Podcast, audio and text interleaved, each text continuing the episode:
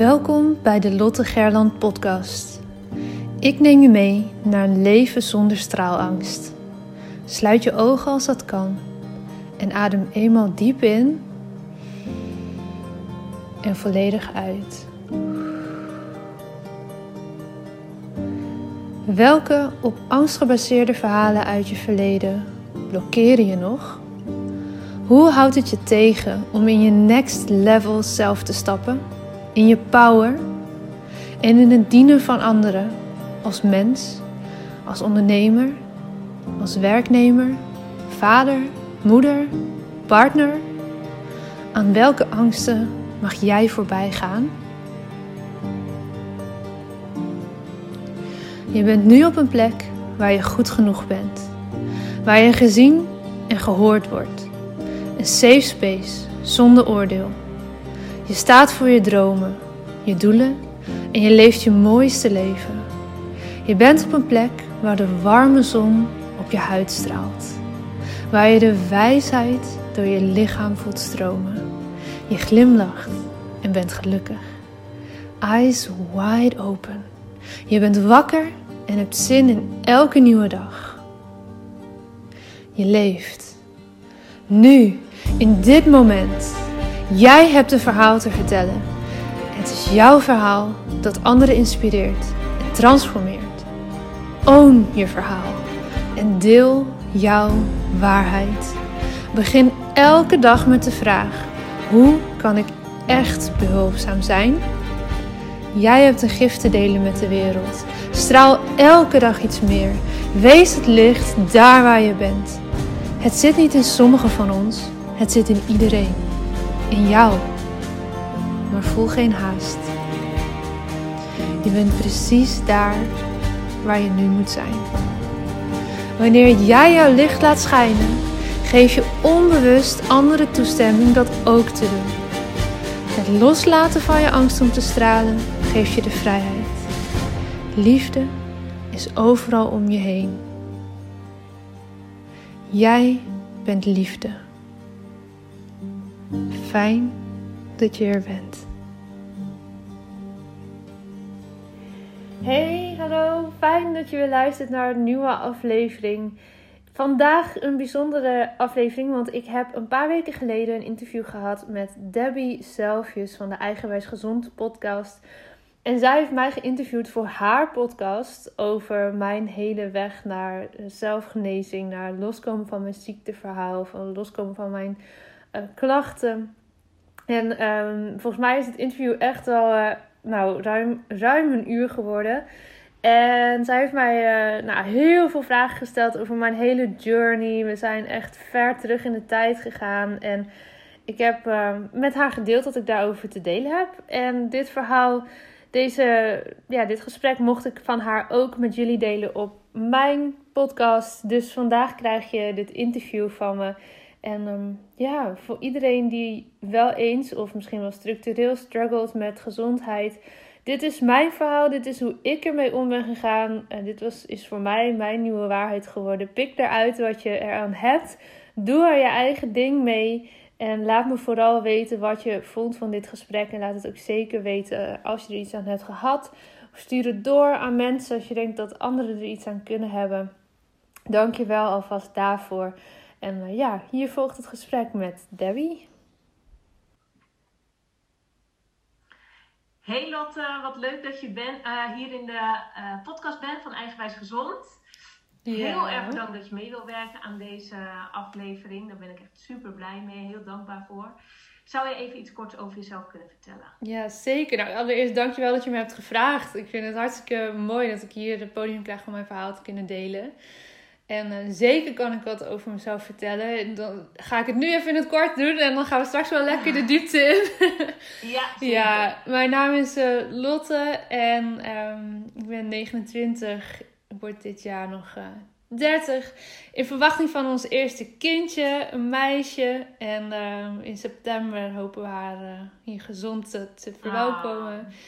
En ik woon op dit moment in Oldenburg in Duitsland. Dat is ter hoogte van Groningen, vlak over de grens. Het heeft ermee te maken dat uh, mijn man tegenwoordig, want we zijn net getrouwd, die uh, werkt hier in het ziekenhuis. En nou, ik ben redelijk flexibel vanuit mijn uh, business. kan redelijk locatie onafhankelijk werken. Ik ben wel vaak nog in Groningen voor trainingen, maar kan ook veel online vanuit mijn bedrijf. En ja, ik ben op een gegeven moment deze kant op gekomen. We hebben elkaar nu bijna vijf jaar geleden leren kennen in Suriname of all places. Daar woonde ik toen.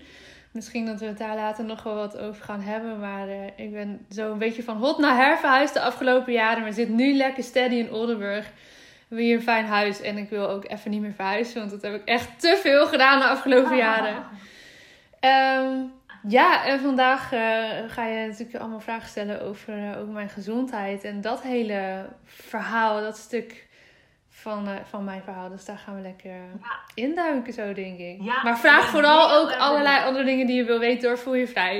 ik ben best wel een open boek. Dus stel gerust al je vragen die je wil weten. Ik ben heel erg benieuwd. Um, ik denk dat de luisteraars nu vooral ook willen weten... welke diagnose heb jij en wat is het precies? Ja, nou, daar begint het voor mij gelijk al. Ik, het voelt voor mij um, nu niet meer alsof ik het heb. Maar ik heb natuurlijk wel een diagnose gekregen. En dat was toen ik uh, eh, 16 was. 16, net 17. Ik volleybalde destijds op hoog niveau. En um, kreeg last van mijn knie. En natuurlijk werd er eerst gewoon aan een sportblessure gedacht. Want dat was ja, eigenlijk het meest logisch. En het leek ook wel een beetje meniscusachtige klachten. En nou ja, hè, volleybal, eh, je zit nog een beetje in het laatste stukje van de groei, zwaar belasting. Dus ja, het, kan gebeuren. Uh, ik kreeg vooral een dikke knie en uh, zo'n zeur, zeurderige knie. Dat is wat ik me van herinner in ieder geval. En dat ging maar niet weg en dat ging maar niet weg. En op een gegeven moment hebben ze besloten om een kijkoperatie te doen. En, uh, Hoe lang zat daar ongeveer tussen? Dat je er zo lang uh, mee aangemoedigd hebt? Mm, ja, een aantal maanden. Ik denk een maand of vier, vijf. Toch proberen met fysio eerst. Weet je wel, ja, zoals dat dan gaat vanuit, vanuit dat sportwereldje. Je wil niet gelijk uh, onder het mes. Want dan weet je gewoon, oké, ja, dan moet je echt gaan revalideren. Ja. Maar ja, op een gegeven moment wilden ze toch wel kijken van wat is er nu dan echt aan de hand. En uh, hebben ze een kijkoperatie gedaan. Nou, ze konden wel wat beschadigingen zien aan de meniscus, maar niet dusdanig nou ja, dat er nou echt heel erg iets aan de hand was. En zei ja, we kunnen ook niet per se achterhalen of die littekentjes die we zien, of dat van nu is, of dat je dat misschien al weet ik hoe lang hebt. Want ik volleybalde natuurlijk al jaren en jaren. Ja. Dus dat, uh, ja, dat werd niet zo duidelijk. Maar ze zagen wel dat het kapsel heel erg ontstoken en geïrriteerd was. Dus wat ze dan doen, dat wist ik toen ook allemaal niet door, maar dat hebben ze dan na de verteld, is dat ze die knie uh, schoonspoelen aan de binnenkant. Om te proberen uh, nou ja, die reactie daaruit te halen. En dat is wat ze hebben gedaan. Dat is in principe helemaal niet een heel ingrijpende operatie. Ja, voor mij was het heel indrukwekkend, maar het was niet heel gevaarlijk of zo. En uh, ja, dan, dan, moet je zes weken. Er weinig risico's aan. Uh, ja, het was ook met een ruggenprik. Uh, ik hoefde niet eens volledig onder narcose. Mocht wel, maar ik had zoiets van: nou ja, als het niet hoeft, dan liever niet, weet je wel.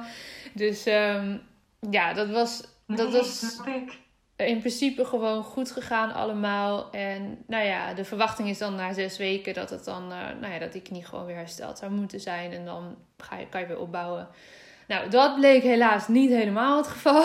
Na zes weken was die knie nog steeds dik en pijnlijk en geïrriteerd.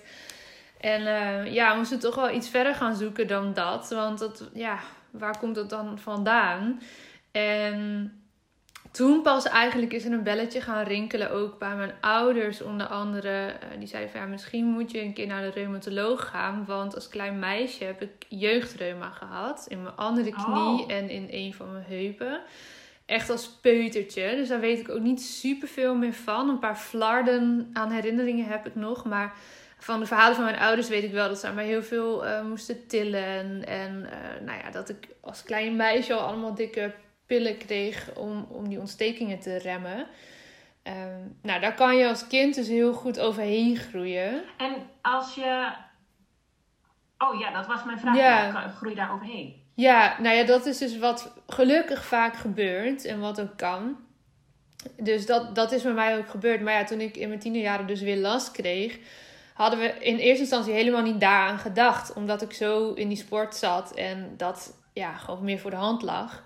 Ja, precies. Maar ja, toen die wegging, toen zijn we toch uh, ja, dat, ja, dat traject ingegaan. En um, nou ja, toen was het inmiddels, uh, ik denk wel drie kwart jaar later, sinds dat ik voor het eerst last kreeg. En werd winter, donker. Nou, ik was echt geen leuk, uh, geen leuk kind op dat moment. Ik was net uit huis. Ik was naar Groningen gegaan om daar bij een nieuwe club te gaan spelen. Maar ja, ik kon helemaal niet spelen. En dat was echt niet oké allemaal. Die club was oké hoor, maar gewoon hoe ik in mijn vel zat was niet oké. Want uiteindelijk in het najaar uh, ja, heeft de reumatoloog dan uh, de diagnose toch weer vastgesteld. Uh, op basis van bloedonderzoek doen ze dan en op basis van de klachten die je hebt, brengen ze dat samen. En ehm, ja, de diagnose die ik kreeg was Bechterew. Ja. En dat is vooral ehm, dat je last hebt van je rug. Nou, dat had ik niet, maar dat is gewoon puur op basis van een bepaalde factor die ze dan in je bloed vinden. Dus een bepaalde reuma-factor. En ja, zeg het maar, weet je, want die factor zit in mijn bloed. Die hebben ze gevonden. Alleen, uh, ja, die kan jij ook hebben. En die kan de buurman op de hoek ook hebben. Zonder dat je daar ooit last van krijgt. Oké. Ehm, dus ja, logischerwijs heeft zij op die manier de diagnose gevormd. Uh, en dat, dat snap ik nog steeds helemaal hoor. Dus ik, geen verwijt aan, aan haar als arts of whatsoever. Want dat is heel logisch. We zochten naar een diagnose en dit kwam heel logisch bij elkaar. En op basis daarvan konden we ook iets doen, namelijk medicatie. En um, ja, dat was op dat moment heel fijn. Want ik zocht ook naar die houvast op dat punt in mijn leven. En uh, ja, dat, uh, dat is eigenlijk wat er toen uit is gekomen. We hebben ook nog wel heel vaak uh, bloedtesten gedaan naar Lyme. Omdat daar misschien oh, ook nog wel... Nou ja, maar dat kwam er elke keer niet echt uit. Dus ja, toen was dat aanvankelijk de diagnose. En die heb ik ook eigenlijk al die tijd zo, zo zelf geloofd. Ja. Ja. ja. ja.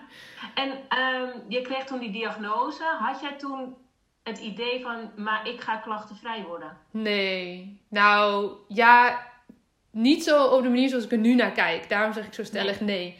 Ja. Uh, de drive van ik ga klachtenvrij komen op dat moment kwam echt vanuit mijn volleyballeven. Uh, dat ik dacht, ja, maar zij, de eerste vraag die ik aan haar stelde was van ja, wanneer kan ik weer volleyballen dan? Oh, ja. Terwijl zij daarmee antwoordde, en dat, dat zal ik nooit vergeten. Dat maakte echt ja, negatief best wel veel indruk. Dat zij zei, ja, je moet eerst maar weer gewoon functioneren in het dagelijks leven. Dat ik echt dacht, hoezo? Ik zit hier met één doel, namelijk zorgen dat ik zo snel mogelijk weer eh, die sporthal in kan. Ja. En de rest, ja, ongeschikt bijna, weet je wel? Dat, ja, ja ik was, zat nog zo met oogkleppen op in die sportwereld. En ik, ik had ook echt de droom om een Nederlands team te halen. Om ooit naar de Olympische Spelen te gaan. En ja, je zal het nooit weten hè, of het anders wel was gelukt. Want er zijn honderd en één redenen waarom mensen de top niet halen. Ehm, maar in ieder geval wilde ik op dat moment echt niet horen van... Uh, ja, ga eens maar weer gewoon functioneren. Ik dacht, ja, leuk met jouw uh, verhaal. Maar uh, ik ben gewoon vervolgens drie keer in de week gaan trainen bij een fysio. En gaan zorgen dat ik weer super fit werd. En nou ja, ik denk zo een zomer later, dus bijna een vol jaar later. Ja, ik ben volgens mij nog nooit zo fit geweest aan het eind van die zomer. Want ik heb echt zitten bikkelen in de sportschool. Je had natuurlijk een bepaalde drive. Ja, ik wilde weer dat veld op. En dat was het enige wat telde. En um, ja. dat is ook gelukt. Maar helemaal klachtenvrij is dat nooit gegaan. Nee. Nee. Maar ik was wel zo fit dat het weer kon. Ja, Oké. En had je daar een inspiratiebron van? Was er iemand die dat, die dat wel al was gelukt? Helemaal klachtenvrij worden van reuma, waardoor jij zoiets had, het kan wel? Nee, daar heb ik dus heel erg naar gezocht. Maar dat vond ik niet. En dat is ook de basis geweest van mijn bedrijf, Watch Your Story. Dat, um, dat ik mensen dus nu even heel in een notendop help om hun verhaal juist wel te gaan vertellen. En dan ook gerelateerd uh, aan business vaak omdat ik toen heel erg heb gezocht naar voorbeelden van jonge mensen met eenzelfde soort diagnose. Um, die hun leven weer opnieuw hebben vormgegeven. En dan het liefst ook nog uh, de sporters. Maar die verhalen vond ik eigenlijk niet. Nou, een enkeling is een keer vaag op een een of ander forum. En onbereikbaar iemand die dat jaren geleden dan een keer had geplaatst, weet je wel. Ja. Waar ik gewoon helemaal niks aan heb. Maar en, en natuurlijk, social media was wel anders. Want we hebben, ik ben nu 29, ik was toen 16. Dus het is echt wel, wel uh, nou ja, 13, 14 geleden nu. Dus het is wel echt anders. Maar Mm, ik vond die verhalen niet echt. Ik heb wel heel erg gezocht. Ik had ze graag gehad. Ja. Ja. Nee, dus het kwam echt is vanuit nu ook mezelf. wel weer het voordeel van social media. Ja. Het heeft ook nadelen, maar het heeft ook zeker zijn voordelen. Ja. Dat mensen nu gewoon verhalen makkelijker te vinden zijn. Of Ja, anders hadden wij elkaar ook niet gevonden voor dit gesprek, bijvoorbeeld. Nee, Nee. dus dat, dat, is, dat is echt wel veranderd. En dat vind ik ook zeker een positief ding aan, eh, aan social media en alle ontwikkelingen op internet. Dat, ja, dat je toch ook meer er voor elkaar kan zijn op die manier of zo. En je verhalen kan delen. En die verbinding kan opzoeken. Ja, ja. ja, en dat is ook het, eh, het doel van deze interviews. Om dus, wat jij dus eigenlijk ook een beetje hebt, van mensen moeten horen eh, dat Hmm. er succesverhalen zijn. Ja, En op het moment dat jij dat weet, dat er, ook al is het maar één iemand, het is gelukt, dat het mogelijk is. Hoeft niet eens op dezelfde manier. nee, maar gewoon klopt. dat, dat er een mogelijkheid is dat je klachtenvrij kan worden. Precies. Ja, En voor iedereen is dat anders, maar in ieder geval dat je de hoop eruit haalt. In Ja. plaats van dat je denkt, oké, ik heb een bepaalde diagnose en eh, dat gaat nu alleen maar erger worden. Ja, want dat is wel een beetje de verwachting die er dan geschetst wordt. Zeker met eh, ziektes als reuma. Ja, dat in principe takel je verder af naarmate hoe Ja. ouder je wordt. Eh, Ja. Nou ja, als dat op 16 jaar begint, dat is vrij jong. Ja, ja. dan heb je een vrij hopeloze uitzicht. ja, nou ja, zo voelde het op dat moment wel. Gelukkig werd dat natuurlijk vrij snel. Ja, je bent ook wel jong en, en daardoor ook wel weer veerkrachtig of zo. Want ja, je beeld van de wereld is Een nog... beetje onbevangen. Ja, een beetje onbevangen. En je beeld van de wereld is nog zo anders, nog zoveel kleiner. En je, ja, ik had nog geen idee wat, wat er verder nog was buiten de sporthal en mijn school, weet je wel. Dus dat, ja, dat, Ja. dus ga je ook in die focus verder. Maar ja, dat, dat is nu natuurlijk ook anders geworden. Naarmate je wat Ja. ouder wordt, ja. Want uiteindelijk ben je gestopt met volleybal. Ja, Was dat omdat het niet meer ging of omdat het paste niet meer voor jou? Of... Op dat moment, omdat het eh, beide. Ja, het toch wel in gang gezet, vooral omdat het niet meer echt ging. Ik heb nog, ik denk, een jaar of vijf, zes gevolleybald sinds, die, eh, sinds de diagnose. En waarvan de eerste vier jaar zoiets uit mijn hoofd ook nog weer, eh, eh, weer op hetzelfde niveau waar ik voorheen speelde. Dus dat is Oh, het tweede, tweede niveau van Nederland. Een beetje, ja, je kan het vergelijken met het rechte rijtje voetbal eredivisie. Oh ja, Ehm, ja.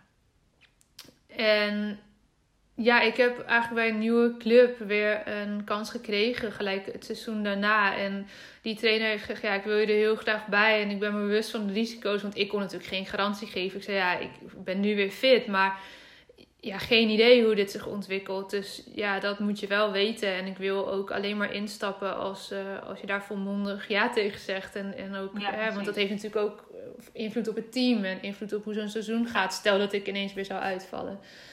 Nou, dat is eigenlijk heeft dat heel goed uitgepakt. En ik heb dat jaar, was echt een fantastisch jaar, super veel kunnen spelen ook. En eh, nou, zo nog een aantal jaren dus eh, op dat niveau gevolleybald. En nog geflirt ook wel om de overstap te maken naar het beachvolleybal. Want dat deed ik ook Oh. veel. En daar kwamen ook wel echt wat kansen op mijn pad om, eh, nou ja, om een stap te maken naar een nog professionelere manier van je sport beoefenen.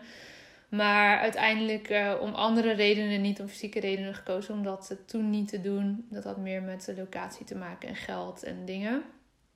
Ehm, maar toen ik stopte, was dat. Ik ben eerst nog een tijdje wat lager gaan volleyballen. Ik ben niet in één klap gestopt. Maar toen ik stopte met volleyballen op dat niveau, was het toch wel dat ik er echt klaar mee was om de hele tijd voor iedere training me helemaal met tape aan elkaar te plakken. Want het was op een gegeven moment Ja. niet meer alleen maar die knie, maar ik had ook last van mijn pols en van mijn elleboog. En nou, van alles zo ongeveer. En ik, ja, ik hing gewoon met braces en tape aan elkaar. En dan ging het wel. En dan gooi je nog een ibuprofen erin voor een wedstrijd. En dan gaan het die eraan. Maar ja, Ja. op een gegeven moment voel je dan ook van... Wat ben ik nu eigenlijk aan het doen? En die droom die ik had, die raakte natuurlijk steeds verder uit zicht. Want op een gegeven moment, als je echt in het Nederlands team wil komen... Ja, dan wordt het ook tijd dat je de stap maakt naar de eredivisie. Dan wordt het tijd dat je in beeld komt bij hè, de nationale Ja. selecties. En, en als je dan zo 18, 19, 20 bent... Ja, dan is dat ook wel het moment waarop dat wel moet gebeuren. Ehm, en dat gebeurde niet. Dus ja, precies. Ja, dan ga je alles zo eens een keertje tegen elkaar afwegen. Van ja, wat, wat wil ik nou echt? Eh, wat vind ik daarin belangrijk? En ja, hoe, gaat dat, hoe gaat dit fysiek? En hoe realistisch is eh, die droom dan blijkbaar Ja. nog? En ja. Um, ja, alles bij elkaar heeft mij toen besluiten om eerst gewoon nog op een wat lager niveau te gaan volleyballen. Ik heb een paar stapjes teruggenomen. Ik vond het ook heel, ik vond dat echt heel fijn, want ik had het gevoel dat ik daardoor ook nog een beetje mijn ervaring en mijn kennis kon doorgeven of zo weer aan andere jonge meiden. Ik zat echt in een team met heel veel jonge meiden. En ja, dat, dat het niet een soort van verloren gaat of zo. Nee. Ik kon een, tenminste, dat hoop ik dat ik dat heb kunnen doen, maar zo voelde het op dat moment wel. In ieder geval iets van mijn ervaring meegeven. En, uh, en zelf een beetje afkicken van, uh, ja, van elke dag trainen naar gewoon zeker in de week trainen. En van elke zaterdag heel Nederland doorrijden naar gewoon om de hoek. is ook wel misschien iets rust bij. Ja, ja, dat, was, dat is goed geweest. Ja. ja, zeker wel. En mis je het nu nog? Uh, nou, ik zou je zeggen, het is dat ik nu zes maanden zwanger ben, maar ik wilde eigenlijk weer gaan beginnen.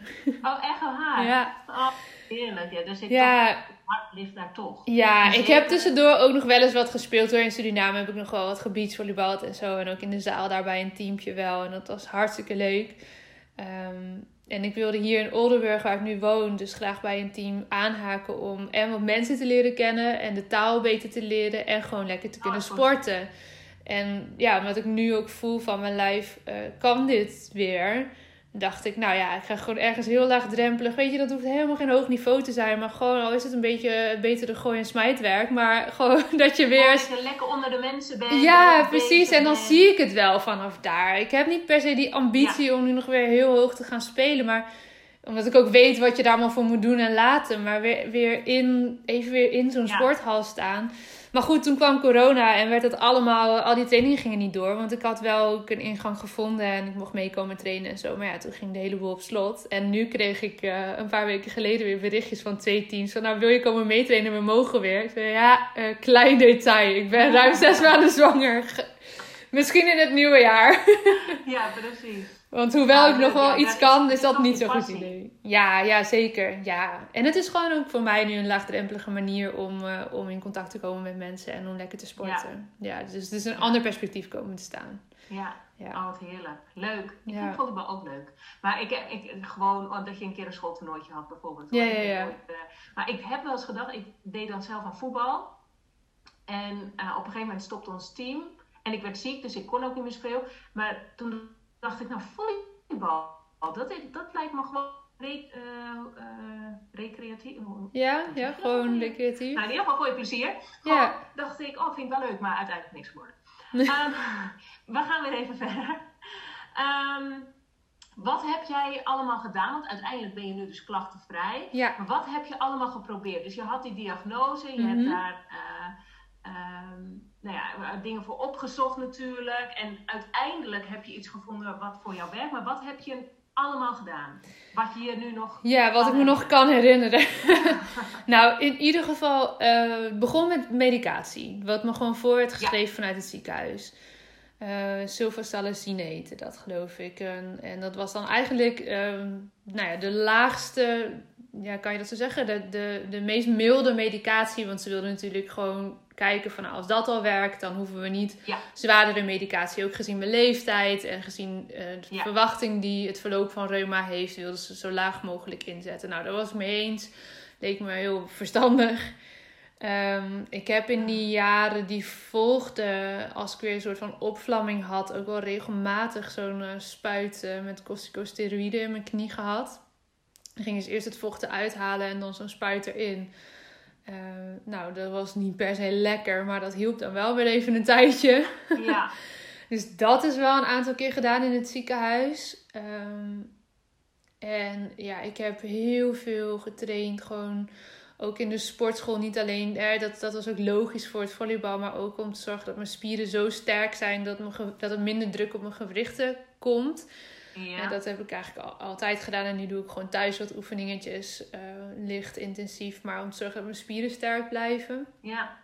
En wat heb ik nog gedaan? Ja, met supplementen wel wat geprobeerd. Glycosamine werd wel veel aangeraden in die tijd. En ja, ik heb best wel een tijdje eigenlijk, ik denk echt wel een aantal jaren gewoon heel trouw die medicatie geslikt. Totdat ik op een gegeven moment merkte van, hmm, het gaat me tegenstaan. En ik nam het niet meer zo trouw. En dan nam ik het een tijdje helemaal niet. En dan weer wel. En toen dacht ik, ja, dit, ja. ja. dit zet dan ook niet echt zoden aan de dijk. Want het is een soort van spiegel die je wel opbouwt met die medicatie. Dus als je het niet trouw neemt, dan, ja, dan verliest het een beetje zijn werkzaamheid.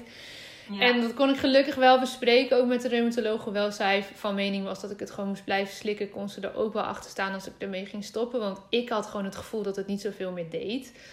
Uh, zij wilde me Wat dus. fijn dat zij daar ook zo. Uh, ja, ze gaf me wel die ruimte. Zij, zij, haar advies was om dan andere medicatie te gaan proberen, zwaarder. Uh, maar ja, ik, bij mij begon toen, denk ik al, en dat is echt wel een jaar of zes geleden misschien wel, een beetje zo van ik weet het niet zo goed met al die pillen. En dan de rest van mijn leven moet ik dan al die medicatie maar blijven nemen. Ja. Nou, maar ik voelde het niet zo. Dus toen een tijdje daarmee gestopt. En ook wel weer eens wat begonnen. Nou, dat ging een beetje zo uh, heen en weer. En uiteindelijk ben ik verhuisd naar Suriname. Dat heeft me best wel goed gedaan, want daar is het lekker warm. Ik heb daar ook verder geen... Uh, geen medicatie of whatsoever geslikt toen ik daar was. Ja, dat is echt een verschil um, voor reuma, toch? Met ja, warm weer. Ja, zeker. En hoe komt dat? Weet je dat? Ja, ik weet niet precies hoe dat fysiek zit, maar vooral droog warm weer. Dus Spanje, Griekenland, dat soort landen. Portugal, nou ja, daar. En in um, Suriname is het natuurlijk wel heel tropisch, heel vochtig. Dus dat is niet per se goed. Maar ik vind warmte gewoon zelf heel lekker. Dus tussen mijn oren oh. was dat heel goed, denk ik. Ja, ja. En, wat was de reden dat je naar Suriname ging? Ik ging daar werken na mijn studie. Oh, leuk. Ja, ja ik ben echt daar uh, ja, gaan wonen. Ik ben ook helemaal uitgeschreven toen in Nederland en daar ingeschreven. En, uh, ja, en eigenlijk als je het dan hebt over voeding bijvoorbeeld, wat een beetje daarna kwam. Als ik daarop terugkijk, dan denk ik, ja, ik at daar echt niet gezond hoor. Ook niet per se alleen maar ongezond, maar er wordt natuurlijk ja, rijkelijk gekookt daar. De keuken is echt fantastisch. Ja. Maar er zit ook veel suiker doorheen en veel zout doorheen. En überhaupt is het eten altijd veel. Een kleine portie bestond niet echt. dus ik heb daar uh, echt goed van het leven genoten als het komt op lekker eten. Maar ik was daar nog zeker niet klachtenvrij. Het ging goed, het was behapbaar, maar uh, niet klachtenvrij. Ging je daar alleen heen? Ja, ja, ik ben daar alleen. En dat vind ik wel uh, dapper ook. Als je dan een, uh, toch een chronische aandoening hebt waarvan je af en toe toch een beetje, uh, ja, is het toch een beetje behelpen en je weet niet hoe het loopt en dan toch in je eentje daar naartoe. Ja, ik heb daar denk ik niet zo, ik heb daar niet echt zo bij stilgestaan. Nee. Nee, ik, uh, het ging goed genoeg. Nou, alleen nog goed, want je kan je heel druk maken. Er valt niks aan de hand, dus ja. Nee, er was ook niet zoveel aan de hand. En kijk, in die zin... Um, je hebt daar natuurlijk ook wel gewoon uh, ziekenhuizen. En die zijn echt wel. Het is echt anders dan wat wij hier kennen hoor. Want ik heb veel mensen gesproken die daar in het ziekenhuis hebben gewerkt. Er waren veel mensen die daar kooschappen liepen. Dus dat is niet te vergelijken. Maar ja, weet je, een spuit met corticosteroïden hebben ze daar ook als het echt moet. Ja. En ja, uh, ja, en een dikke knie is vervelend. Maar ook toen het slecht ging, kon ik daar wel mee functioneren. Dat loopt niet lekker, maar ik kwam nog wel vooruit. Ik hoefde niet in een rolstoel of zo. Nee. dus weet je, ook als het een wat mindere periode was geweest, dan, dan had ik me waarschijnlijk nog wel gewoon gered. Tenminste, zo voelde het voor mij. Ja. En ja, weet je, anders stap je in het vliegtuig en je bent zo weer thuis. Zo stond ik ook wel in. Zo is het ook. Ja. En dan heb je het in ieder geval geprobeerd. Ja, maar eigenlijk, uh, nee, heb ik dat zelf niet zo ervaren van, oh jee, kan dit wel. Um, ik denk eerder dat mijn reumatoloog zich daar misschien wel zo zorgen heeft gemaakt. Maar ja, die dacht ook, laat maar waaien. Eigenwijze dame, deze die doet toch wat ze wil.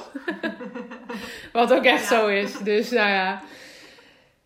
Nee, en toen eigenlijk toen ik terugkwam, toen begon ook een beetje mijn hele ondernemersavontuur. En kwam ik wel in contact met gewoon weer nieuwe mensen die ik nog niet kende in mijn leven. Nieuwe um, ja, ook mensen die bezig waren met voeding en gezondheid. Dus wat heb ik geprobeerd? Nou, na die medicatie, nadat ik terugkwam in Nederland, uh, kwam ik uh, wel in, de, in aanraking met een dame. Zij is orthomoleculair therapeute. En ik spreek haar nog steeds regelmatig. Zij heeft me echt wel geholpen om eens te kijken naar suppletie. En um, om nou, met voeding bezig te gaan. Dus toen heb ik een keer zo'n week gedaan waarin ik echt alleen maar gewoon uh, rauw eten heb gehad, zo ongeveer. Oh, water en gewoon echt niks. Dat, dat, de eerste twee dagen was dan een beetje afbouwen. Dan vier dagen echt hardcore. En dan weer twee dagen een beetje opbouwen voordat je normaal gaat eten. Dus geen vlees, geen zuivel. Gewoon echt helemaal vegan, maar ook geen suikers. Uh, alleen maar water of muntthee of gemberthee, dat soort dingen. Gewoon echt een soort van detox week was het. Um, nou, een leuke ervaring. maar niet vol te houden op lange termijn. Voor mij in ieder geval. En dat was ook niet het doel, hè, om op die manier verder te gaan. Want dat was gewoon echt even helemaal resetten, een soort van. Ja. En, maar ik merkte wel echt... Uh, en dan daarna wilde ik eigenlijk gewoon een tijdje helemaal vegan gaan eten. En zo min mogelijk suiker. Dat, uh, en, en ook glutenvrij. Dus vegan en glutenvrij en suikervrij. Nou, ik moet zeggen, dat was echt wel even een uitdaging. Wat eet je dan nog wel? Ja. Er bleef voor mijn gevoel in het begin echt niks over. Maar ik heb er wel weer heel veel nieuwe leuke gerechten door geleerd. Die we nog steeds soms wel maken. Dus helemaal prima.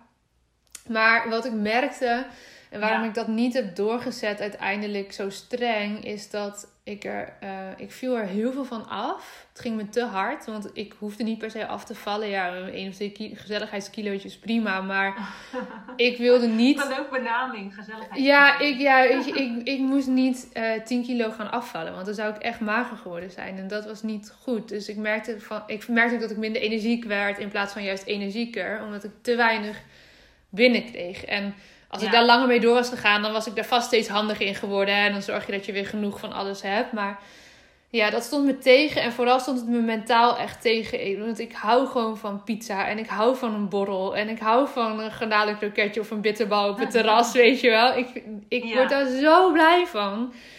En dat was ineens allemaal geen optie meer. Een stukje taart op je verjaardag. Of, tuurlijk, je kan het allemaal maken volgens dat dieet. Maar ik werd er niet blij van om de hele tijd het gevoel te hebben van... ik mag niet dit, ik mag niet dat, ik kan niet zus, ik kan niet zo. en tegen alles nee zeggen. Ik voelde vrij snel, dit is niet voor mij de manier. Want dit, dit voelt als moeten, dit voelt zwaar. Ehm, en dit mag makkelijker zijn. Dit kan makkelijker zijn. Dus dat nou ja, dat heb ik toen toch ook weer langzaam een beetje losgelaten. Een paar dingen zijn wel echt blijven plakken hoor. Dat ik makkelijk glutenvrije producten uh, pak in plaats van veel gluten. Maar ik eet wel gewoon weer brood en zo. Ik vind brood heerlijk. Ik eet alleen niet meer bij iedere maaltijd ook stokbrood of zo. Want ik was echt verslaafd aan stokbrood. Nou ja, weet je, zulke kleine uh, aanpassingen heb ik samen met die dame die dus uh, orthomoleculair therapeut is, nou ja, geleerd en gedaan. Maar ja, daarmee waren mijn klachten nog steeds niet weg. En dan gaan zo alles Welke klachten had je toen nog? Ja, vooral uh, knie, ellebogen en pols. Dat bleef echt wel hangen. Dat, uh, dat had ik tijdens het sporten ook. En doet het ook iets met je energie? Nou ja, mentaal wel, vond ik vooral. Ja, dat, ja, dat um, wel je hebt toch het gevoel dat je dingen niet kan. Of dat het. Ja. Ik was op een gegeven moment ook een beetje bang voor de pijn. Want in feite was er niks stuk. Hè? Er was niks kapot uh, wat, wat zou moeten helen of zou moeten geopereerd moeten worden of zo. Dus in feite kon ik alles. Maar ik was bang om een sprintje te trekken naar de bus bijvoorbeeld. Omdat ik dan wist, tussen haakjes, ja, dat gaat mijn knie pijn doen. Ja. Terwijl dat, dat snap ik nu, was, het zat echt in mijn hoofd. Want in feite was mijn knie gewoon niet dik, niet warm, niet pijnlijk. Er was niks stuk. Uh, ik ben in mijn twintig jaren een klein stukje rennen naar een bus zou gewoon moeten kunnen, snap je? Maar omdat die stempel daarop zat van ja, maar je hebt reuma, uh, was ik gelijk bang voor die pijnreactie. En dus kreeg ik hem ook als ik het wel deed. Ja.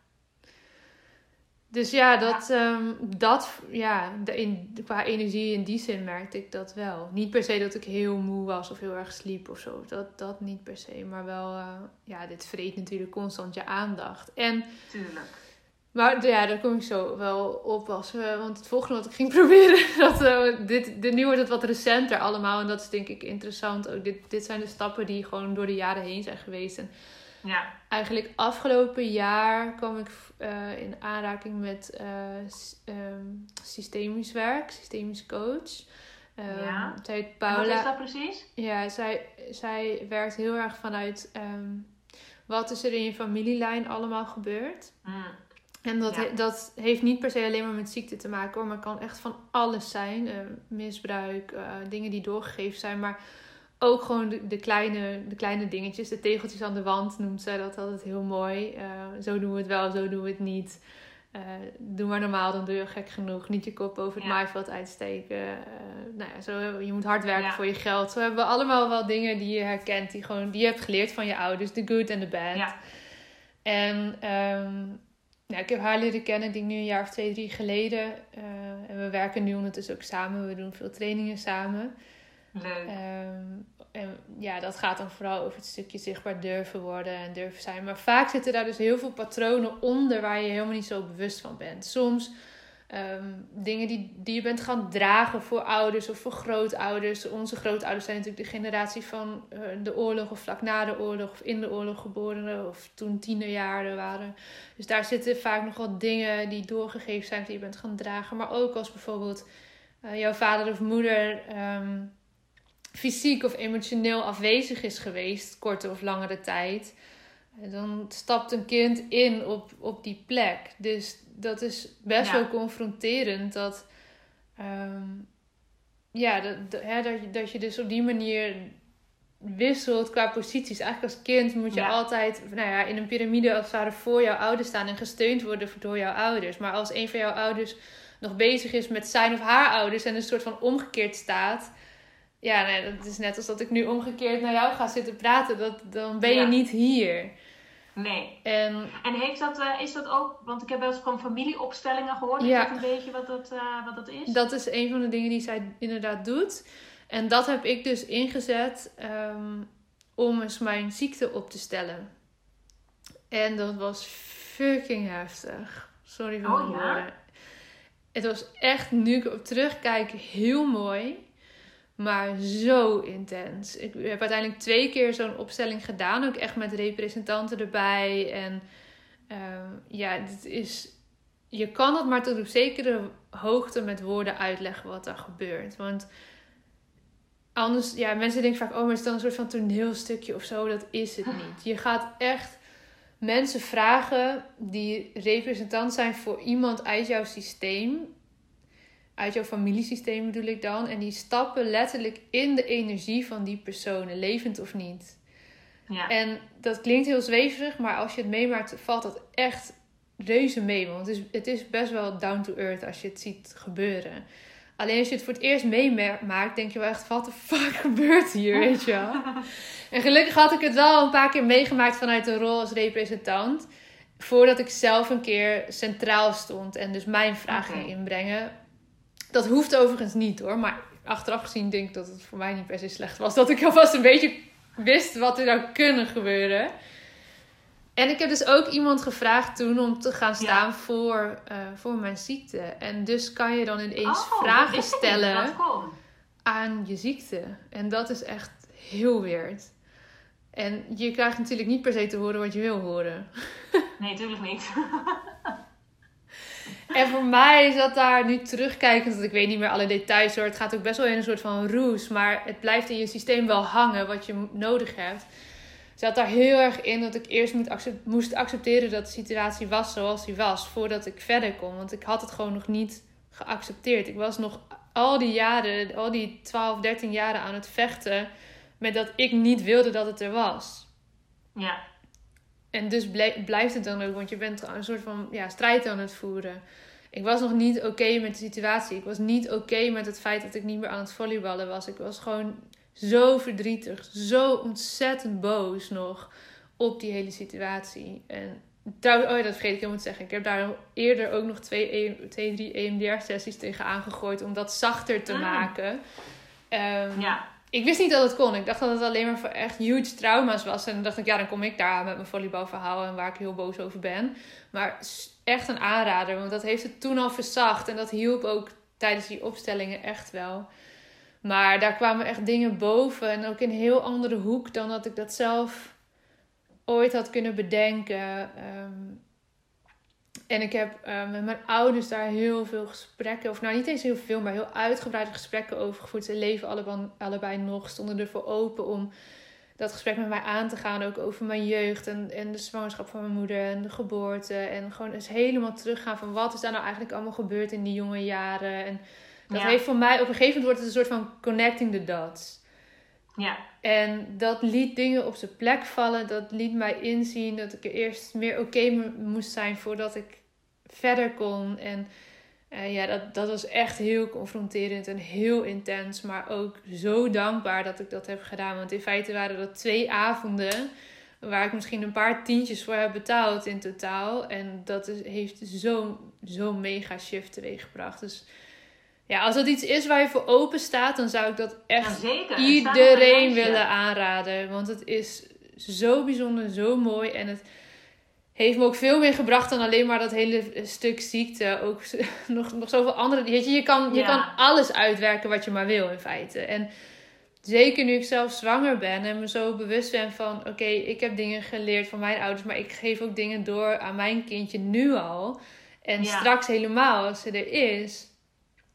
Ik wilde dit ook heel graag uh, doen voordat ik überhaupt zwanger zou worden omdat ik het gevoel had van ja, maar ik heb nog shit op te lossen die ik niet wil doorgeven aan mijn kind. En tuurlijk, je geeft altijd dingen door. En ook dingen waar je minder blij mee bent. Dat, Zo werkt het leven nu eenmaal. Maar ik voelde heel sterk, dit is een stuk dat mag stoppen bij mij. Ja. En ik ben heel, blij dat, dat ik dat, heb gedaan. Zo, uh, zo van tevoren mee bezig ben geweest. Ja, ja. Jouw kindje. Ja, dat is echt wel iets. Want op een gegeven moment hè, dan krijg je van die gesprekken van nou, de kinderen, dan ga je daar een beetje met elkaar over hebben. En uh, ik heb wel echt gevoeld van ja, met dit, ik heb eerst zelf nog wat werk te doen. Ja. Voordat dit, uh, nou ja, dat dit dan kan gebeuren of zo. En, en zo is het uiteindelijk is het ook zo gelopen. En ik denk ook dat dat niet voor niets zo is geweest. Nee. Daar geloof ik echt wel in. Dus dat heeft voor mij dat is echt een hele belangrijke schakel geweest. Om aan de slag te gaan met iemand die, uh, nou, die zo'n opstelling kan doen. En uh, ja, weet je, ik werk nu samen met Paula en ik, ik mag daar vaker bij zijn. In het klein en het groot. En, en het, ik vind het fascinerend. Ik, ik ken natuurlijk niet alle familieopstellers en alle systemisch coaches in Nederland. Dus ik weet ook niet precies. Weet je, er, er zijn betere en minder goede, zoals je overal coaches hebt. Maar zij is zo. Maar voor jou past dit nu? Ja, dit past nu en ze is zo ervaren. En uh, ik zie het ook bij anderen gewoon gebeuren. Ja, ik, ik weet niet. Ik kan haar echt uh, verkopen aan iedereen die dat maar wil. Want ik vind haar echt fantastisch in haar vak. En ze heet Paula? En van Paula Dillema. Dillema. En ja. uh, ook zo te volgen op Instagram? Ja, uh, business en zo, Paula Dillema heet Business en zo, zo heet haar bedrijf. Oké, Business en zo, Paula Maar als je Paula Dillema zoekt uh, of googelt, dan vind je haar ongetwijfeld. Ja. Ja, dus dat heeft, dat heeft echt heel erg veel in gang gezet. En eigenlijk is er toen nog één stap geweest die echt de cirkel rond heeft gemaakt. En dat is dat ik uh, bij Kim Munnekom de mastermind ben gaan doen.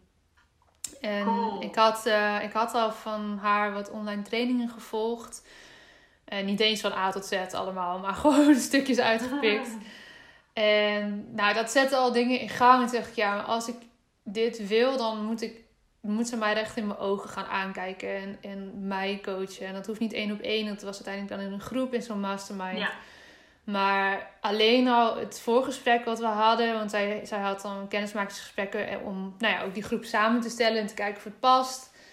Ja. Alleen al dat gesprek heeft zoveel in gang gezet dat ik dacht: oké, dit is echt een investering die heb ik nog nooit gemaakt, zoveel geld ergens in gestopt. Helemaal niet voor mezelf. Maar ik voel dan alles, dit gaat voor mij het laatste stukje zijn. Met haar kan ik mijn verhaal gaan herschrijven en echt loskomen van dat ziekteverhaal. En dat, uh, ja, dat proces, ja. dat, dat was ruim een half jaar dat ik door haar gecoacht ben.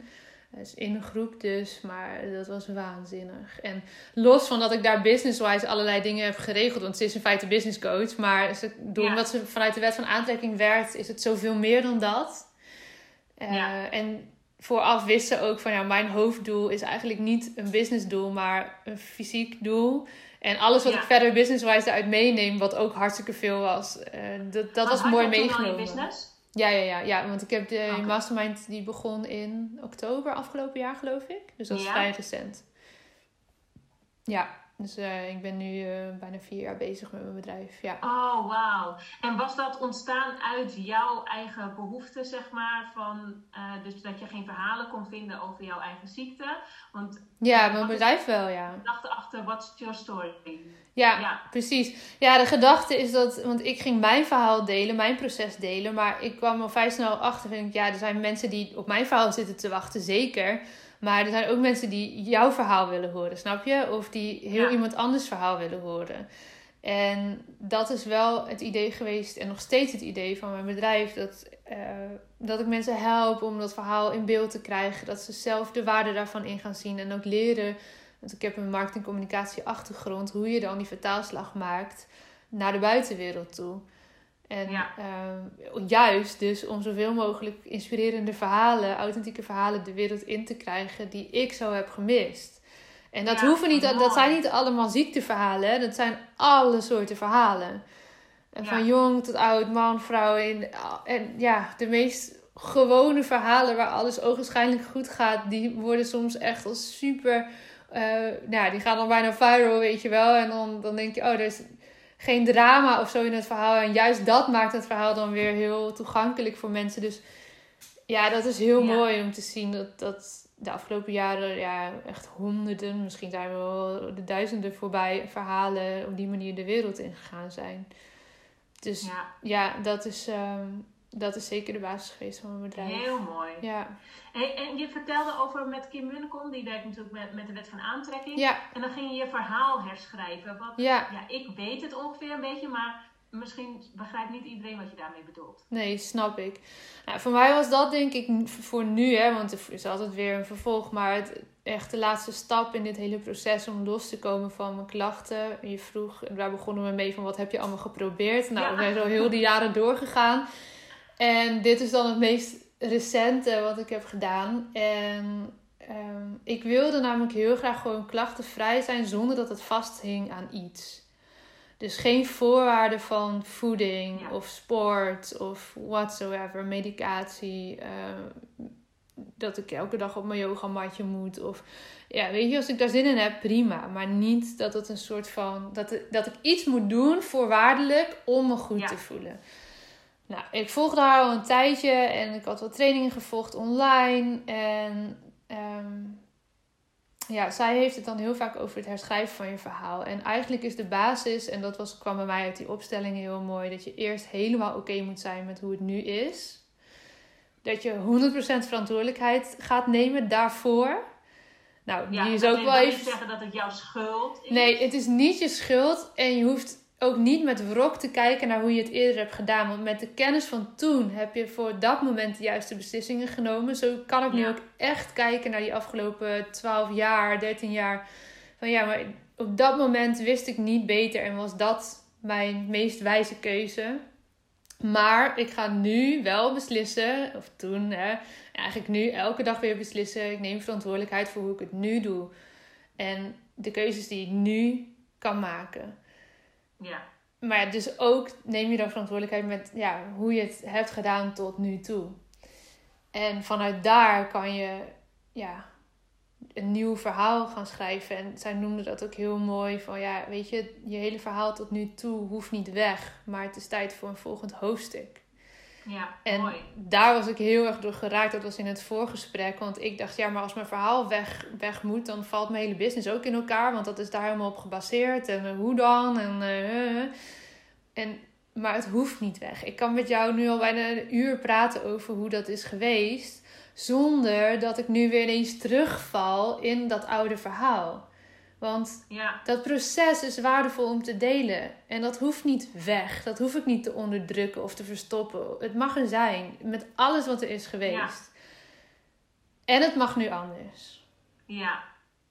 Wat mooi. Dus wat we gingen doen, dat is letterlijk... En ik heb die oefening al honderd miljoen, miljoen keer gedaan voor mijn gevoel. Dat is natuurlijk niet zomaar. Um, elke keer halen naar hoe wil je nu dat het is. Wat is nu je realiteit? Hoe ziet dat eruit? Wie moet je dan zijn? Wat moet je dan doen? Maak het concreet. Schaven, schaven, schaven. Wat past bij jou, wat niet. Ehm, en natuurlijk, we hebben allerlei verschillende soorten oefeningen gedaan, ook door die maanden heen. Maar het besef dat ik mijn ziekte in stand hield door woordkeuze, door de overtuigingen in mijn kopie, door het feit dat ik bleef zeggen: ja, maar ik heb reuma. Doordat mensen uh, aan je vragen: hey, hoe gaat het met je reuma? Ehm, eigenlijk hield ik daarmee een slachtofferverhaal in stand. En dat verhaal dat leverde me tot die tijd meer op dan dat het me kostte. Namelijk aandacht, liefde, oh, mijn bedrijf. Dat, Want daar zit ik ook helemaal in. Dat leverde het me allemaal op. Ik zag dat tot dat moment niet zo. Maar ik zat in die slachtofferrol eigenlijk. En dat is best wel confronterend om dat toe te gaan geven en om dat het te laten zijn.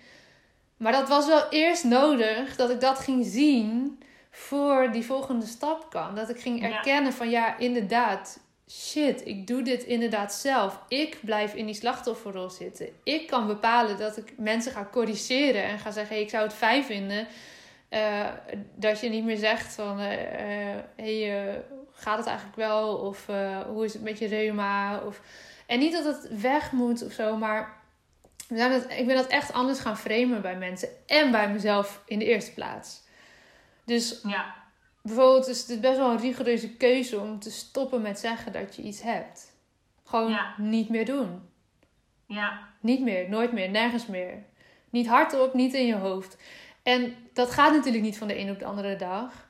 Maar je kan wel trainen om jezelf elke keer een soort van catch yourself. Als het gebeurt, als je merkt, oh wacht even. Nee, ik maak de keuze opnieuw. Oh, laat me even deze zin herformuleren. Want ik merk dat ik, het, dat ik het eigenlijk anders zeg dan dat ik het bedoel. Namelijk, en ook richting mijn familie, mijn vrienden, was dat echt wel even zoeken. Want mijn ouders hadden ook zoiets van, huh, maar... Huh? Wat doe jij nou? en zeker ook uh, mijn man, hij werkt in het ziekenhuis, is medisch opgeleid. Die had iets van, ja, Oké, ja, en hij support het helemaal. En want hij ziet ook wat het doet met mij. En, het liefst heeft hij mij gewoon helemaal gezond en, en blij, weet je. Dus hij zegt, ja, als dit the way to go is voor jou, dan sta ik daarachter. En ik merk ook dat hij heeft het eigenlijk nooit meer over. Het is gewoon niet meer een ding nu. Nee. En als ik ergens last van heb even, dan is het voor mij niet gelijk... Oh, dat zal wel de reuma zijn. Maar oh ja, als jij een kwartier in kleermaken zit, gaat zitten, dan kom je er ook niet zo makkelijk uit. Ik dacht dat, dat, dat dat altijd was omdat ik reuma had. Ja. En ja, ja, ja, maar ik kan niet dit, want. Of ik kan maar beter voorzichtig doen, want. Ja. Ja, en voor mensen die niet helemaal begrijpen wat de wet van aantrekking is, dat is natuurlijk waar je op focust, daar krijg je meer van. Dus in die zin ben je er zelf verantwoordelijk voor. Als jij gaat zeggen, ik heb reuma, oh, uh, ik kan dit niet, want ik heb ja. reuma. Dat, dan trek je daar alleen maar meer van in jouw uh, ervaring. Ja. En meer van naar je toe. Dus dat is de, daarom ben jij je verhaal gaan schrijven, gewoon gaan stoppen met dat je reuma hebt. En ja. um, positief juist formuleren. Ja, en dus ga juist dingen daar in de plaats gaan zetten van ja, maar mijn lichaam is sterk, mijn lichaam is gezond.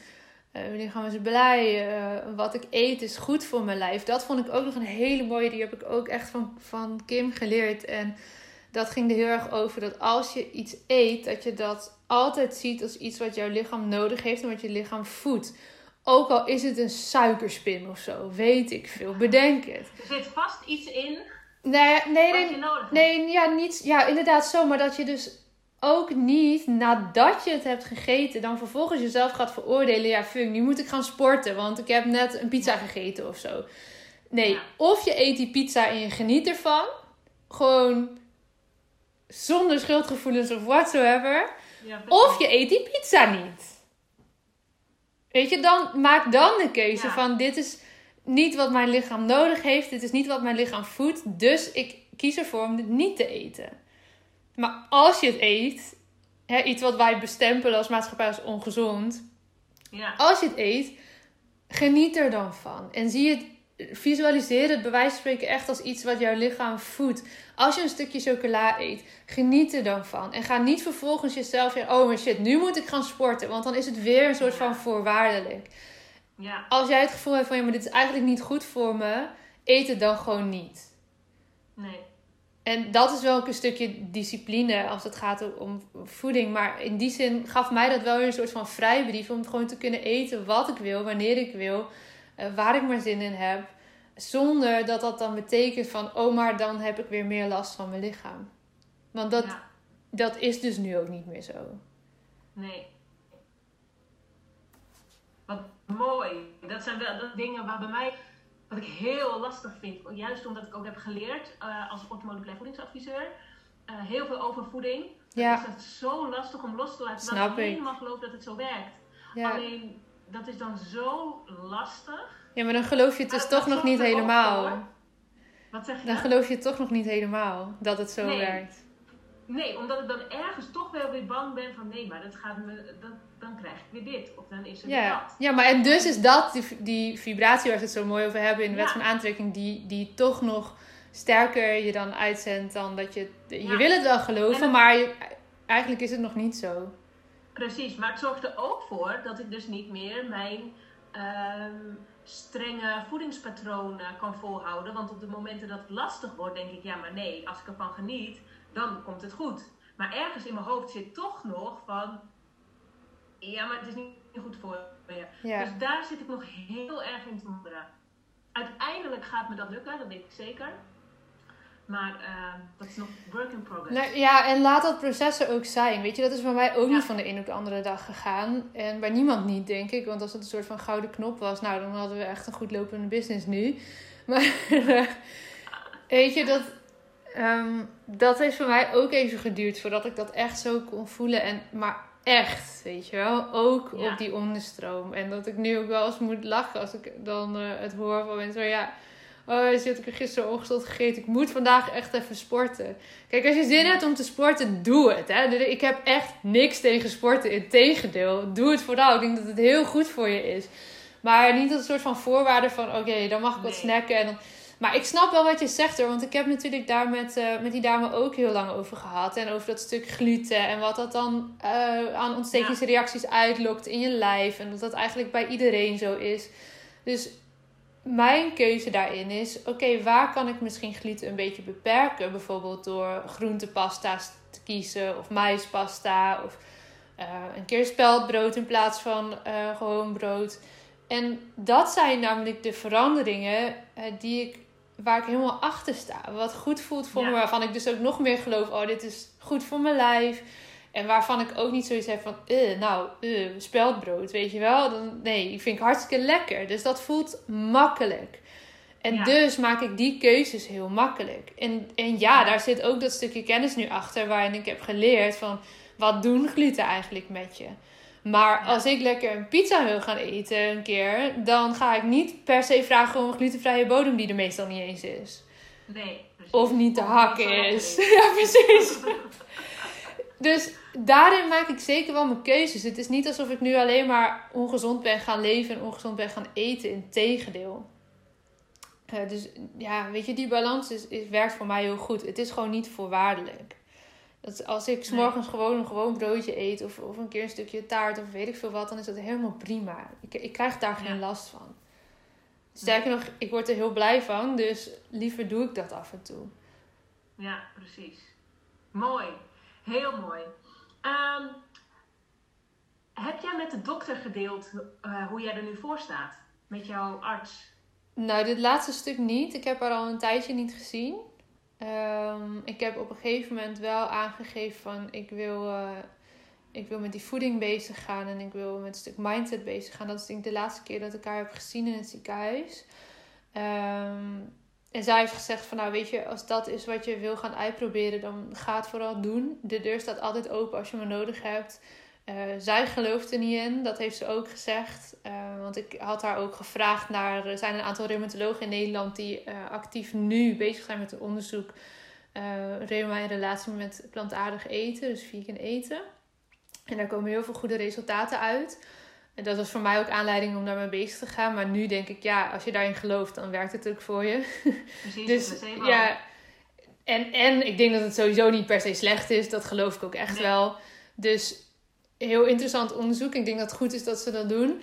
Eh, maar zij, ja, zij uh, had daar helemaal niks mee. Uh, maar ze liet wel mij gewoon mijn ding doen. Dat is de laatste keer dat ik haar heb gezien. En toevallig kreeg ik een paar weken geleden, ik denk twee weken geleden, zo een telefoontje van het ziekenhuis. Ik had namelijk eigenlijk vorig voorjaar een afspraak, gewoon een controleafspraak. Maar dat kon toen niet doorgaan met corona. En ik had toen zo zoiets van ja, ik heb ook nergens last van, dus ik hoef eigenlijk ook niet zo nodig. En ja, dan wilden ze graag dat je dan een telefonisch consult doet. Maar ja, eh, hartstikke duur. En ik zei, ja, dan ga ik, uh, want er zit 350 euro lappen om haar te vertellen dat het goed met me gaat. Dus sorry, maar dat mogen jullie ook wel eens doorgeven. Oh, nee.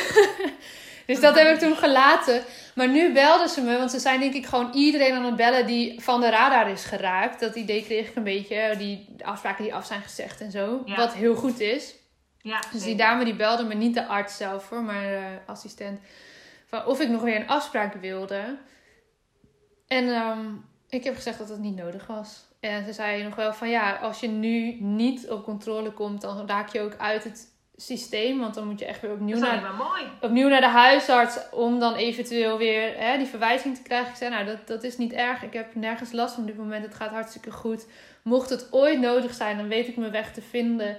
Ehm, maar uh, hou me er maar uit. En uh, als je wil, mag je aan haar doorgeven dat het hartstikke goed met me gaat. En um, ja, dus eigenlijk was dat. Dat is toevallig al dat niet twee weken geleden is voor dit gesprek. Maar dat was wel een mooie. Nou ja, stip of zo achter dat hele ziekenhuisstuk. Ja, dus ik dacht, oké. Okay, mooi dat je uit het systeem dan zo wordt gehaald. Ja. Als, als boodschap van, oké, het is... Het, het is echt goed zo. Het, is klaar. klaar. Ja. ja. Ik hoor daar niet op die lijst. Nee, en ik hoef daar ook niet. En, en ik weet ook dat mocht het om wat voor reden dan ook ooit nodig zijn. Nou, dan zijn er zat mensen die dan wel weer ergens uh, iets van kunnen vinden of me kunnen helpen. Maar ik heb nu niet het gevoel dat dat in ieder geval niet op korte termijn uh, gaat gebeuren. Dus, en, en eigenlijk denk ik überhaupt niet. Maar ja, je weet niet wat voor loopje het leven soms met je neemt. Maar voor nu voelt dat iets als... Nou ja, zoals iedere bejaarde ergens last van kan krijgen ooit. Ja. en dat zien we dan wel. Ja, wat mooi. Oh, wat ja. heerlijk. Um, hoe denk jij over het ontstaan van jouw reuma? Hmm. Ik geloof dat dat bij iedereen een andere oorzaak heeft. En hoe denk je dat dat bij jou is? Um, ja, ik ga een aantal dingen kan ik er wel verdelen. Een aantal dingen zijn echt vanuit de familie ook al naar boven gekomen. Die ik liever ook niet. Uh, nee, privé hou. grote lijnen wat je wilt delen. Ja, bij mij is er heel veel uit die opstelling gekomen. En niet per se dat dat nou uh, enorme drama is hoor. Maar gewoon om even de privacy van de mensen om me heen daarin wel in acht te nemen. Um, maar voor mij heeft het wel echt helderheid gebracht van... Oké, er zijn een aantal dingen die ik ben gaan dragen voor iemand anders... Uh, die toch wel triggers zijn geweest voor mijn gezondheid. Um, dat heb ik nu, ja, dat noemen ze dan heel mooi, een soort van kunnen teruggeven, kunnen laten bij de persoon van wie dat was. Um, en ja, het was op een gegeven moment echt connecting the dots. Ik heb natuurlijk mijn lichaam zwaar, zwaar belast door al het sporten. Ja. Uh, dus dat doet hoe dan ook iets met je lijf. In combinatie met dat ik op dat moment denk ik nog niet goed wist hoe zorg ik nou eigenlijk goed voor me. Ik was 17 toen ik op kamers ging en uh, hoe, hoe eet je goed? Wat is daar een goed patroon in? Uh, niet dat, ik, dat het per se heel ongezond was, maar nu weet ik gewoon veel meer daarover. Um, ja, en ik denk wel dat het een soort van. Uh, ja, dat, dat klinkt dan misschien wel een beetje zweverig. En dat is ook oké. Okay. Ik heb wel een klein stukje zweverig in me. maar dat het me ook wel een ander um, pad heeft geopend uiteindelijk. En dat ik dat in het begin helemaal niet wilde zien. Maar nu, business-wise, als ik kijk wat ik mag doen, wat voor mensen ik mag coachen, wat voor impact ik mag maken daarmee, dat geeft me zoveel zingeving. En het volleyballen was fantastisch en dat had ook een prachtige carrière kunnen zijn. Maar als ik nu kijk naar wat ik mag doen, dan is het niet voor niets geweest, denk ik, dat dit zo is gelopen. En daarbij denk ik ook dat het me is gelukt om ook heel erg in. Uh, zin te geven aan datgene wat er is gebeurd op deze manier. En dat, ja, ja dus noemen het wel eens heel mooi, dat het een cadeautje is geweest waar ik niet op zat te wachten, maar wat ik wel heb weten uit te pakken. En waardoor ik nu er iets mee kan op een hele mooie manier. En uh, ja. ja, het heeft me in die zin, ja, waarom is het gebeurd? Nou, ik kan er meerdere antwoorden op geven, maar ja. ja, het heeft, me wel een bepaalde, het heeft me wel een bepaalde kant opgeduwd. En ja, was ik anders ooit naar Suriname gegaan? Ik denk het niet. Had ik daar uh, mijn huidige man leren kennen? Ik denk het niet. Hadden we dan nu in Oldenburg gewoond en was ik van hem zwanger geweest van ons eerste kindje? Ik denk het niet. Dan was ik waarschijnlijk nu, uh, nou ja, het is dat de volleybalsters hebben zich niet geplaatst voor, voor uh, Tokio, maar dan was ik misschien onderweg naar Tokio nu. Um, zeg het maar. Ja. En, en natuurlijk, weet je, ik was er echt ver vandaan hoor, van die droom uiteindelijk zo realistisch ben ik ook wel weer. Maar het, het heeft wel in die zin een hele andere wending gegeven aan, aan mijn verhaal. En eentje waar ik nu heel blij mee ben. Ja, precies.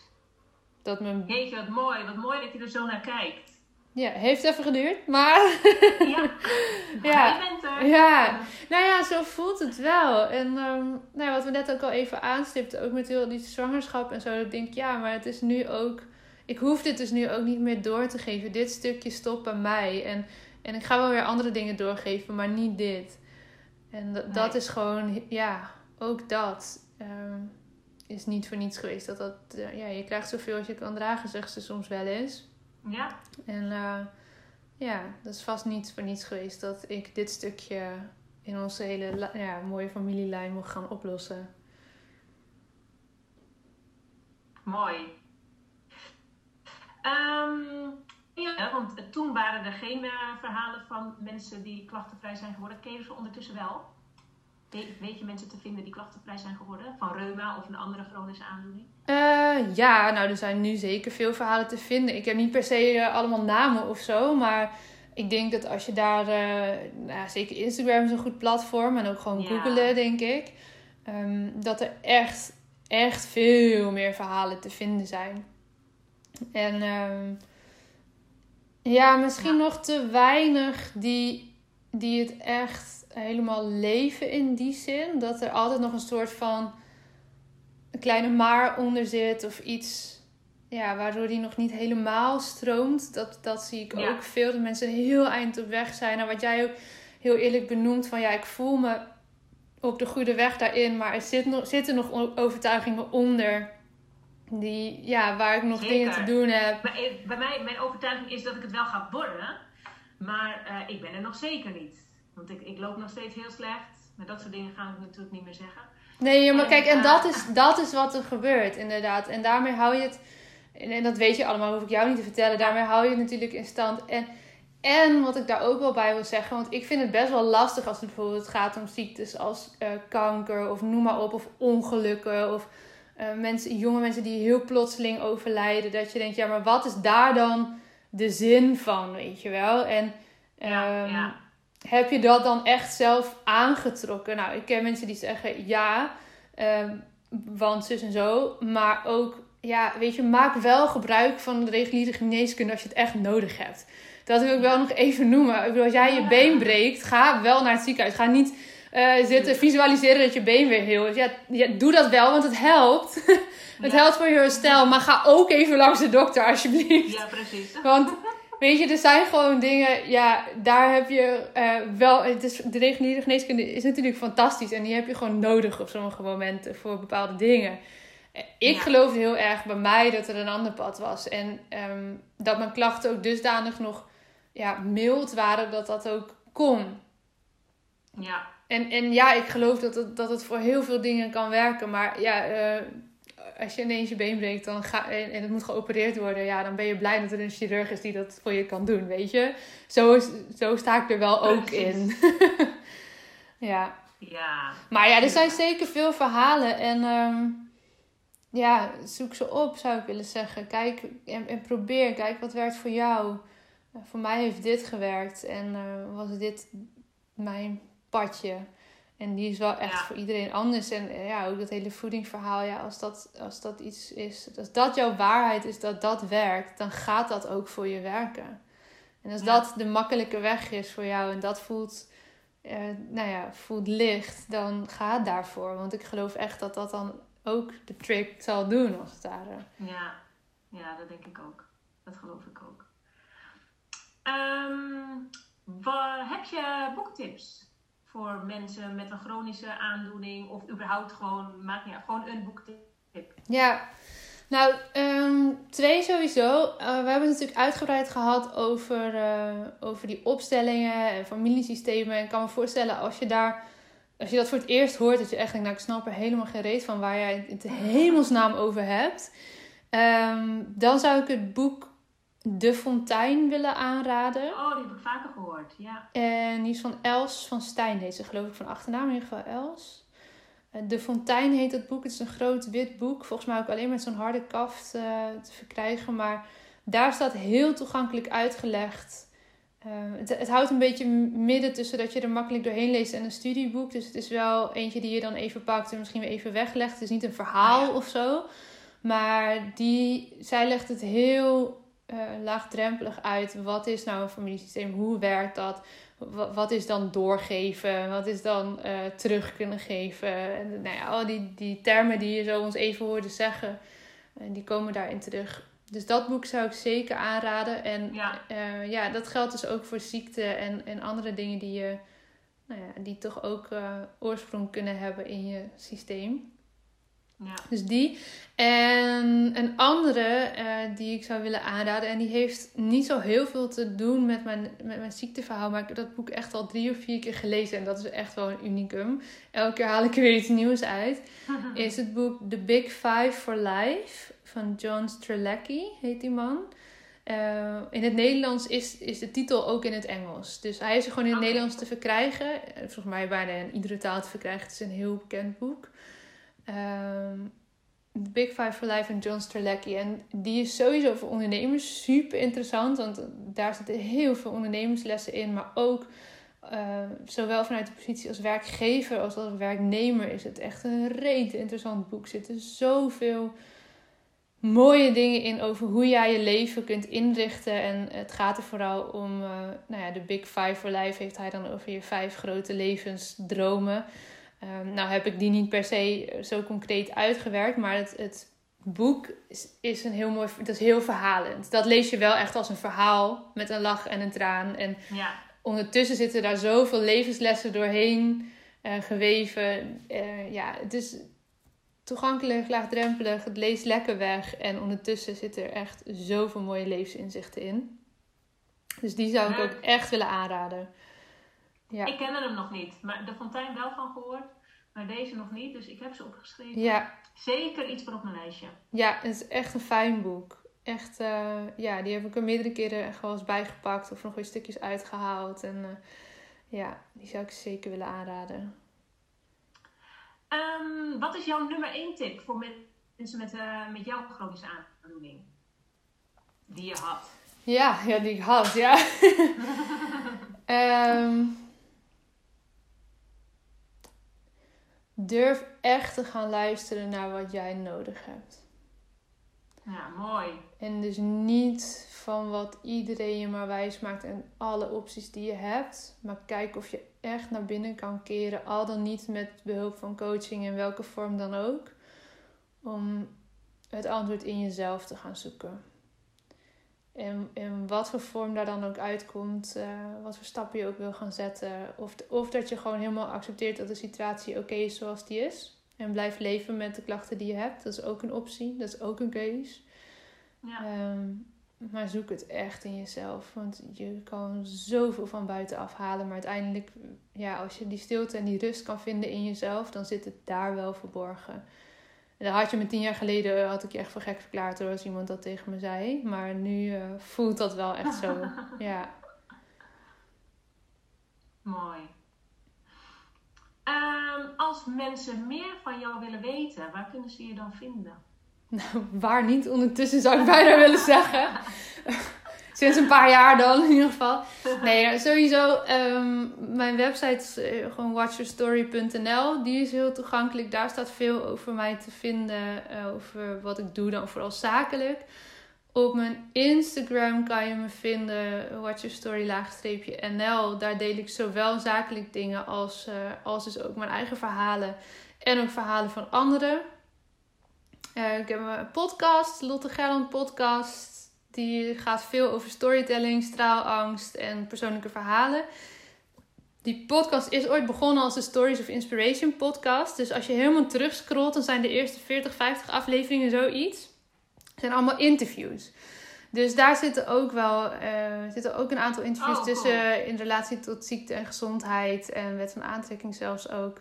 Um, dus daar zit veel in en daar heb ik het nu vooral over uh, nou, meer business gerelateerde onderwerpen, maar altijd met een vleugje van mijn persoonlijke verhalen. Ja, ik denk dat dat de drie. Kijk, je vindt me ook op LinkedIn of Facebook of dat soort plekken. Maar deze drie, uh, daar ben ik het meest actief. En uh, daar kan je me zeker vinden. En stuur ook vooral een berichtje hoor. Voel je daarin vrij als je eens meer wil weten. Of je hierin herkent. Of weet je, dat, uh, dat mag altijd. Nou, volgens mij is dat een hele mooie boodschap om mee af te sluiten. Um, en dat, dat willen we ook heel graag horen als iemand hier iets aan heeft gehad. Of uh, het misschien heeft door kunnen geven aan iemand anders die er wat aan heeft. Dus uh, laat dat een van ons of allebei uh, even weten. En nou Lotte, ik vond het heel erg leuk om je zo te spreken, om jouw verhaal te horen. Ik heb er zelf ook weer heel veel um, dingen uitgehaald. Ik dacht, oh ja, dingen die ik misschien nog wist, maar ook weer nieuwe dingen van denken. Daar ga ik iets mee doen. Fijn. En uh, ja, ja, heel erg leuk. Ik wil je heel erg bedanken. En uh, nou, ik hoop dat we zoveel mogelijk mensen hebben kunnen inspireren met dit mooie verhaal. Dat hoop ik ook. Jij bedankt. Graag gedaan.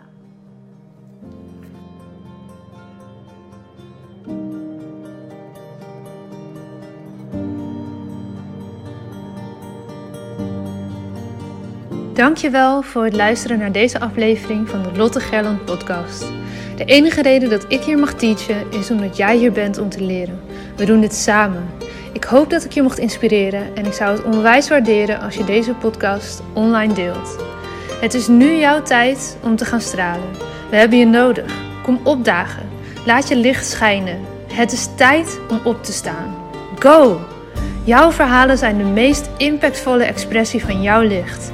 Daar waar jij doorheen bent gegaan, was precies dat wat nodig is om te zijn waar je nu staat. Vaak denken we dat we al veel verder moesten zijn in het proces, maar je hebt te leren van waar je nu bent. Dim je licht niet.